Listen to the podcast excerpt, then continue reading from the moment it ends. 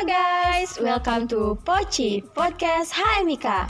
Hai semuanya, bagaimana kabarnya hari ini? Semoga semua dalam keadaan baik dan sehat ya.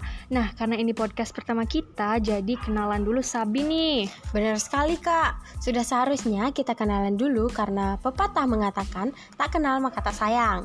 Jadi sekarang kenalan dulu, nanti kalau udah nyaman ya bisa saling sayang nih ya gitu. Asik. Oke, kenalin nama aku Sabrina dan di sini bersama rekanku. Gue. Kami dari HMIK yang akan menemani aktivitasmu hari ini. Nah, pasti para pendengar pada kepo nih. Hari ini kita bakalan bahas apa sih Sabrina? Kita bahas apaan ya?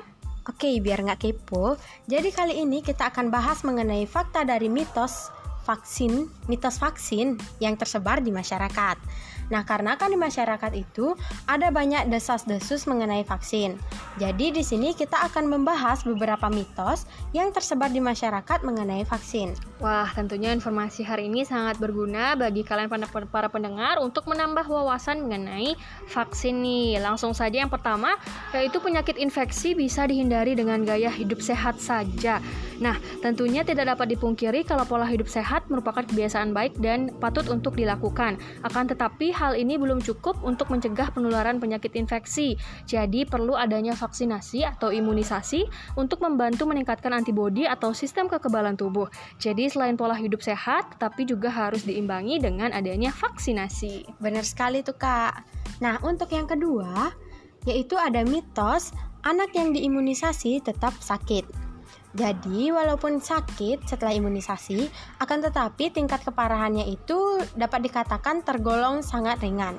Dengan imunisasi, bila anak sakit, akan terhindar dari kecacatan dan kematian. Nah, lanjut ke mitos selanjutnya, yaitu vaksin ada kandungan zat berbahaya. Nah, hal tersebut tentunya tidak benar ya. Sebelum vaksin disebarluaskan, vaksin ini juga sudah melalui proses yang amat panjang, dan vaksin yang sudah diproduksi massal harus memenuhi syarat utama, yaitu aman, efektif, stabil, dan efisien dari segi biaya. Jadi, pernyataan tersebut tentunya keliru. Kemudian ada mitos mengenai vaksin sebabkan autisme. Waduh, autisme gitu. Perlu diketahui bahwa tidak ada kaitannya antara kandungan vaksin terhadap autisme pada anak. Jadi perlu diingat bahwa tidak ada kaitannya.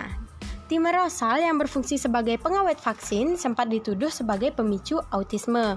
Jadi sudah ada penelitian yang menyatakan kadar timerosal pada anak pada anak yang autis dan anak non-autis tidak ada perbedaan. Jadi hal ini membuktikan bahwa autisme tidak disebabkan oleh timerosal, melainkan karena genetika. Nah, patut diingat tuh ya. Nah, selanjutnya adalah vaksin mengandung sel janin aborsi. Wah, judulnya saja sudah serem banget ya mengandung sel janin aborsi.